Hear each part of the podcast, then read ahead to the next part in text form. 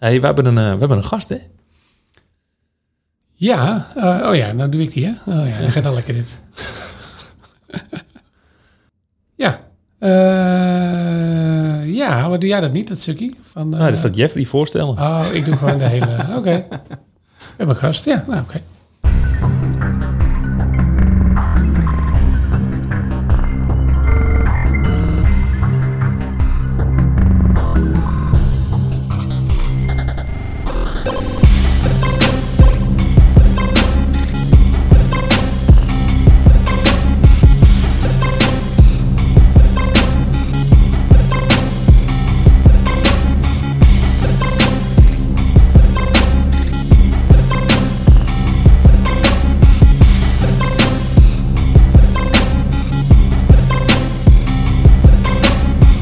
Welkom bij de In de Aap Gelogeerd podcast, seizoen 2, aflevering 4 met uw hosts Johan en Jeffrey. In deze aflevering praten we met Kees Baggerman. Natuurlijk komt er weer een mooi In de Aap Gelogeerd verhaal voorbij, wat lessons learned en een tegeltjeswijsheid. Voordat we onze gast erbij gaan halen, Jeff, hoe is het? Het is goed. Het is weer vrijdag. De week zit er bijna op. Mooie week was het. Dus eh, ja, ik zit er goed in. Lekker. Hey, we, hebben een, we hebben een gast, hè? Hebben we zeker. eh, we hebben Kees Bakkerman eh, bij ons. Kees, eh, voor de mensen die jou niet kennen, kun je kort uitleggen wie je bent en eh, wat je doet? Jazeker. Eh Kees Baggerman, 41 jaar. 41 jaar. Vier kinderen, wonend in, in Utrecht. En ik werk voor Nutanix als Senior Director voor End User Computing. Dus ik leid een team van, van architecten wereldwijd. En wij schrijven referentiearchitecturen, best practice guides, solution notes. We zitten voor een deel in, in R&D. Dat betekent dat we betaald worden om onze spullen kapot te maken voordat het bij klanten komt. De allerleukste job die, eh, die je kan bedenken. En op het moment dat er grote, complexe of eh, strategische deals zijn, worden wij erbij betrokken. En dan eh, kunnen we met de klant en de partner praten over wat er mogelijk is, wat er niet mogelijk is en wat, eh, wat die stip op de, op de horizon is. En ik doe ook wel eens wat met een podcast. Cool. Ah, ja. Nou, we gaan straks wat, wat dieper in op je, op je carrière, wat hoogtepunten en zo.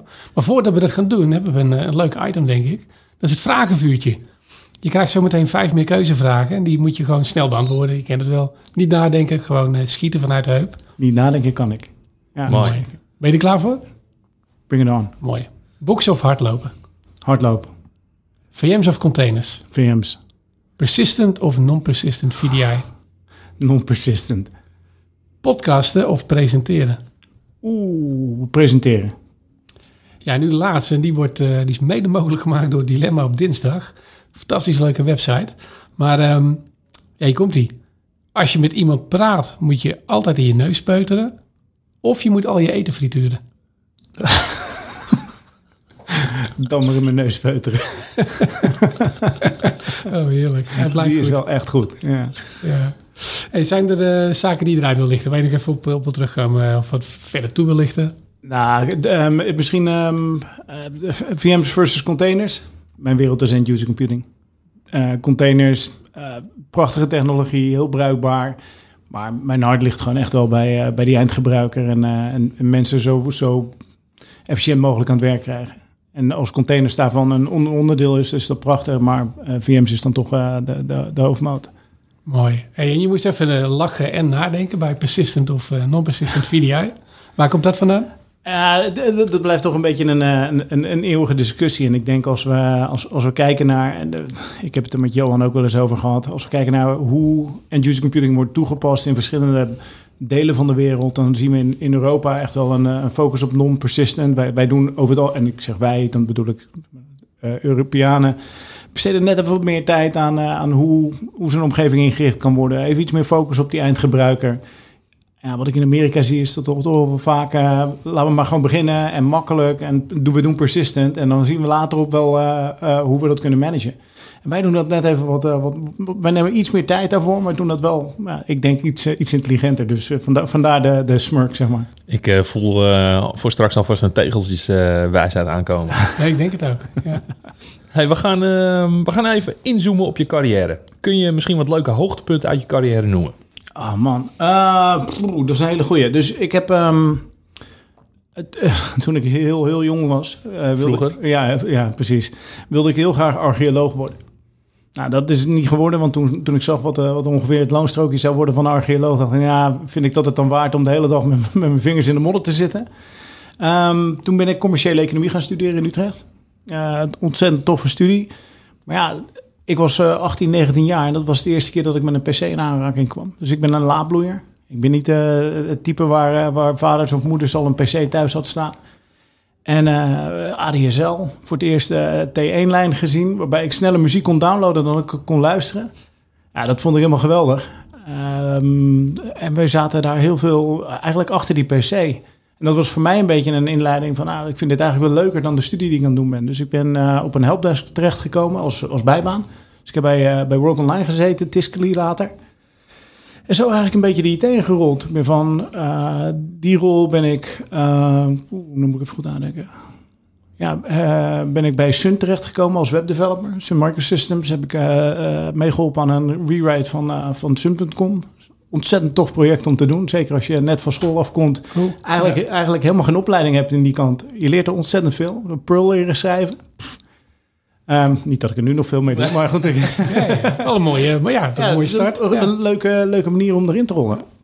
En vandaar eigenlijk door naar, uh, naar een, een, bedrijf wat, uh, wat uh, toen eigenlijk al een soort DAS-oplossing leverde. Daar op de helpdesk gezeten. Vervolgens wilde ik eigenlijk wat, wat, wat meer zien van de wereld. Ben ik bij een heel klein bedrijf uit Nieuwegein um, begonnen. En ook daar eerst op de service desk gezeten en daarna als system engineer, senior system engineer, eigenlijk alles in het MKB gedaan. Dus uh, alles tot 500 werkplekken. Maar dat, dat ging van serverinrichting, Exchange, SQL, maar ook SMS en later SCCM. Eh, verschillende hypervisors gezien. Nou, ik wilde toch wat, wat grotere projecten gaan draaien. En toen ben ik bij, uh, bij Interexus terechtgekomen. En daar heb ik zes jaar gezeten. Van system engineer naar senior consultant gegroeid. Uh, hele toffe projecten gedaan. Ook weer uh, van alles en nog wat, maar wel met een focus op end-user computing. Ik heb daar een tijdje portfolio management gedaan voor uh, de thema's um, Unified Communication, Security, Virtualization en end-user computing. En dat was, dat was ook een ontzettend leuke rol. En toen kwam, toen kwam de Nutanix voorbij. Raymond Epping, de, de, neef van Duncan.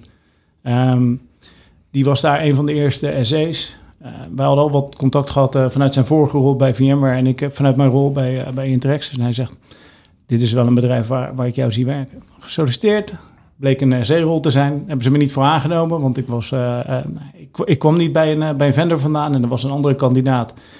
die had wel ervaring bij een vendor, die hebben ze aangenomen. En twee weken later kwam een rol vrij in het Performance Solutions Engineering team. Nou, de rest is history. Ik ben nu acht jaar verder mijn eigen team uh, met een focus op end-user computing. Dus dat is een beetje uh, hoe ik uh, door, door ja, de IT ben heen gerold. Cool. En eigenlijk hebben we het net al een klein beetje erover gehad, maar wat, uh, wat vind je momenteel het mooiste aan je, aan je baan?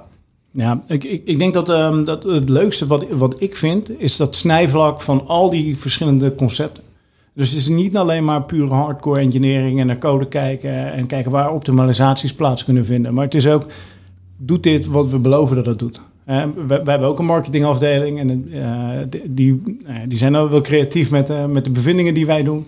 om, om, om te zorgen dat we genoeg um, substantial material hebben, dus genoeg tastbaar materiaal hebben om dat soort uitspraken te kunnen doen. dat is echt heel erg tof. Je zit aan de voorkant van technologie stacks. Dus wij krijgen dingen te zien die eigenlijk nog niet op de markt zijn. Ja, dat is heel tof om daarmee bezig te zijn. En we, we mogen met klanten in gesprek. En, en juist zeg maar, die elementen, dus een stukje marketing, maar ook een stukje technologie, een stukje roadmap development, uh, met klanten in gesprek zijn over waar staan jullie nu, waar gaan jullie heen, wat, wat wil je eigenlijk met, uh, met je omgeving bereiken. Ja, dat is voor mij echt de allertofste baan die er, die er is. Cool. Hey Kees, ik moet één ding vragen, want je zei net dat je als, als hey, jong mannetje archeoloog wilde worden. Ja. Volgens mij ben je van mijn leeftijd 41, zei je? Is dat de Indiana Jones uh, inspiratie? Of, uh, nou, nee. Ik, zat het daarvoor? Nee, het, het zat daarvoor wel. Ik vond het altijd gewoon... Uh, mijn achternaam is natuurlijk Baggerman, dus die grap is snel gemaakt. nee, het, het, um, het, het, zat daarvoor al wel. Dus de Indiana Jones vind ik heel tof. maar daarvoor zat ik eigenlijk altijd wel... Vond ik dinosaurussen zijn gewoon cool. Ja. ja. En zelfs nu nog als 41-jarige vent... Als ik met mijn kleine mannetje naar zo'n dinosauruspark ga... Ik weet niet wie er meer zo ogen uitkijkt, hij of ik. Ja, ja tof. Cool. Ja, je hebt een hele diverse achtergrond, veel dingen gedaan binnen IT. Uh, deze podcast heet In de Aap gelogeerd. Ja. Je hebt vast wel eens een keer wat stuk gemaakt waarbij je echt dacht van, oh shit, die knoop in je maag. Ja, een zweet wat je uitbreekt. Absoluut. Ehm, ja, wij- worden, wat ik al zei, we worden betaald om dingen stuk te maken, maar dat is allemaal in gecontroleerd in een lab. Eh, dat is de bedoeling, zeg maar, om de grenzen op te zoeken. Ehm, er zijn denk ik twee momenten die, eh, die, die voor mij heel cruciaal zijn geweest in, eh, in, in waar ik nu ben. Eén is ehm, dat ik de default eh, user OU wel eens weg heb gegooid van Active Directory van een, eh, van, van een ehm, soon-to-be klant. Nice. Ja, gelukkig had ik net daarvoor backup getest. of eh, in ieder geval backup getest. Kon ik meteen de restore testen. En dat, dat, dat is goed gegaan. En ehm, dat was wel een knoop in mijn maag moment. Een ander moment dat ik heel veel van geleerd heb... is dat is een van de eerste keren dat ik naar een van onze kantoren in North Carolina... Durham, North Carolina ging. En ehm, ik zat daar netjes eh, mijn dingetje te doen. En op een gegeven moment zie ik eh, wat, wat koppen bij elkaar bij een scherm. En een van de jongens die kijkt op en die zegt... If only we had an EUC expert here. En al die mannen die naar dat scherm stonden te kijken... keken omhoog, keken mijn kant op. Toen dacht ik... oh, eh, ik moet hier echt iets gaan doen. Er wordt wat van mij verwacht. nou, dat, dat werd een eh, 16, durende, eh, 16 uur durende conference call. En die ging een beetje als volgt. Dus ik kom op in die call. En dit was met een, eh, met een OEM, een, een third-party vendor waar onze software op draaide. En ik kreeg uitleg over wa- wat de configuratie was. En dit was een, een grootschalige proof of concept. Ze waren login 4 zijn draaien voor 3000 gebruikers. En dat was maar een, een substantie van de totale hoeveelheid gebruikers. Want ze wilden op schaal testen. En ik kreeg de nodeconfig voorgeschoten. En toevallig was de, de nodeconfig, de serverconfig, eh was ongeveer gelijk aan wat ik aan het testen was op dat moment. Dus ik wist wat, er wat er mogelijk was met die apparaten. En ik, eh, login 4 is voor mij vrij bekend. Dus ik wist wat, wat, wat ongeveer, zeg maar, ballpark, ongeveer eh, waar ze op konden landen. En er zit iemand op die call en die zegt... Jongens, we halen, we halen zoveel gebruikers. Het draait allemaal prima. We knallen er wat extra service tegenaan. En dan is het helemaal prima. En ik hoor dat aan. En ik als Nederlander zeg... Ja, sorry, hi, ik ben Kees eh, van Nutanix. Maar wat je nu zegt klopt niet. Eh, je kan gewoon twee keer zoveel gebruikers aan... als we dat juist configureren. Ja, dat bleek een call te zijn met 60, 70 man erop.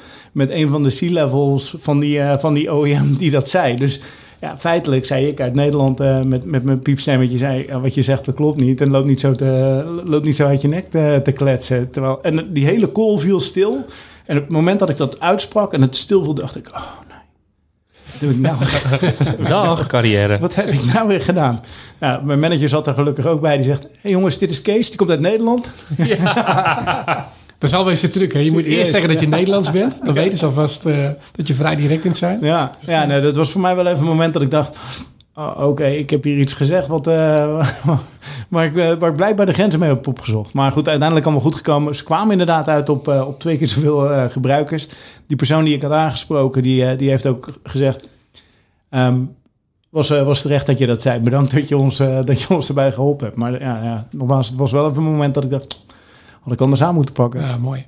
Nou ja, daarover gesproken. Wat, zit er een bepaalde les in die je eruit geleerd hebt... die je nu toepast in je, je dagelijks werk? Nou, ik denk dat, dat ehm, als ik kijk naar als, en dit is denk ik een persoonlijke observatie, ik denk dat de mensen die succesvol zijn in, in de wereld waarin ik leef, allemaal vrij uitgesproken zijn. En dat betekent niet dat je lomp en bot moet zijn, maar dat je wel niet bang hoeft te zijn om je uit te spreken over wat je vindt, zolang daar voldoende substantie achter zit. Dus als je zeker weet dat, je, dat, je, dat iets zo is, en wat dat iets is, dat, dat ligt een beetje aan de situatie. Maar wees gewoon niet bang om dat uit te spreken. En ehm, er is vaak een soort automatische hiërarchie in een groep en in een bedrijf. En wees ook niet bang om iemand te vragen om zijn mening. Dus als jij zit met een, eh, met een technisch probleem of je zit met een, eh, misschien wel gewoon een, eh, een organisatorisch probleem.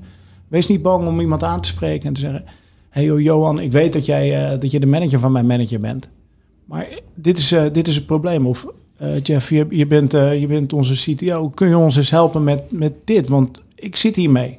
En Wees vooral niet bang om, eh, om die vraag te stellen. Want je zit altijd in een ruimte met, met mensen die heel, heel veel verstand hebben van bepaalde dingen. En iedereen heeft een andere achtergrond. Iedereen heeft een andere kijk op dingen. En maak daar gebruik van. En zorg niet dat je in een isolement, komt daarin. Ja, mooi. Mooi. En ik denk vooral internationale bedrijven is het altijd tricky. Hè? Eh, culturen doen altijd, eh, spelen altijd een rol natuurlijk. Duitsland moet je ook eh, onwijs opletten natuurlijk hoe je met bepaalde Ja. eh, managers omgaat. om netjes is daar, een, eh, is daar veel meer een ding dan, bij, dan, dan hier in Nederland. Ja, absoluut. Ja, daarover is ik, misschien toch even een, een ad hoc tip. eh, The Culture Map is een fantastisch boek. Ja, Aaron Meyer. Ja, Ja. exact. Ja, nou, de- werk je in een internationale setting of heb je met mensen buitenland te maken, andere culturen? Lees dat boek. Echt super praktisch. Absoluut. We hebben eh, intern een keer een workshop van, van haar gehad. Eh, Cool. Absoluut een aanrader, want het, het opent echt je ogen in, eh, in de zin van hoe wij communiceren. En als ik zeg wij eh, als Nederlanders, ten opzichte van hoe dat... En niet zozeer hoe wij denken dat we communiceren, maar nog veel meer, en misschien dat jij dat wel kunt beamen, hoe een ander dat opvalt, of opvangt. Want wij denken dat we rechtlijnig en eerlijk en open zijn. Ja, dat kan bij een ander kan dat grof, bot, lomp of brutaal zelfs zijn. Dus nou, dat, dat helpt je wel om een bepaald perspectief te plaatsen. Ja, absoluut. Hey, dat is eh, eigenlijk al een mooie, mooie lessons learned of een mooie, mooie tip eh, die je geeft. Ehm, wat een ja, mooie brug is naar het volgende item in de show. Dat is namelijk de tegeltjeswijsheid. Ehm, ik ben benieuwd, of wij zijn benieuwd, of jij een, eh, een mooie wijsheid hebt die op een tegeltje zou kunnen zijn, die el- elke IT'er op zijn, op zijn toilet zou moeten hangen. Oh man, dat vind ik een lastige.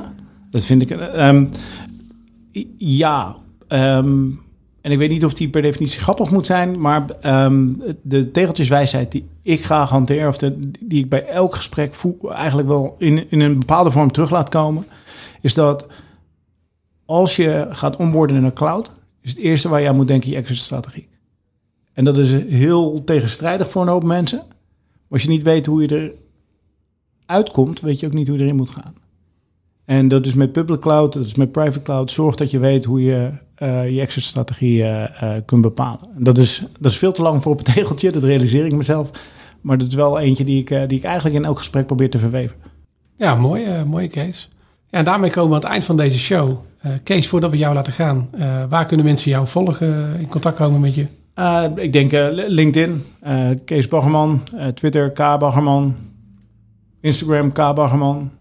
Zijn er nog meer eh, social media kanalen? Eh, e-mail kz.nutanix.com. Mocht je vragen hebben of, of opmerkingen rondom deze podcast, dan eh, nou natuurlijk jullie als, als host. Maar nou, als je vragen hebt over mijn opmerkingen, dan mag je mij daar ook direct over aanspreken. Ja, te gek. Hey, hiermee zijn we aan het einde gekomen van deze aflevering van de In de Aap podcast. Heb je vragen of feedback? Stuur ons dan een e-mail naar podcast.itq.nl of een bericht op Twitter op aapgelogeerd. Ik wil onze gast Kees Baggerman bedanken en natuurlijk mijn co-host en collega Jeffrey. Bedankt en tot de volgende keer.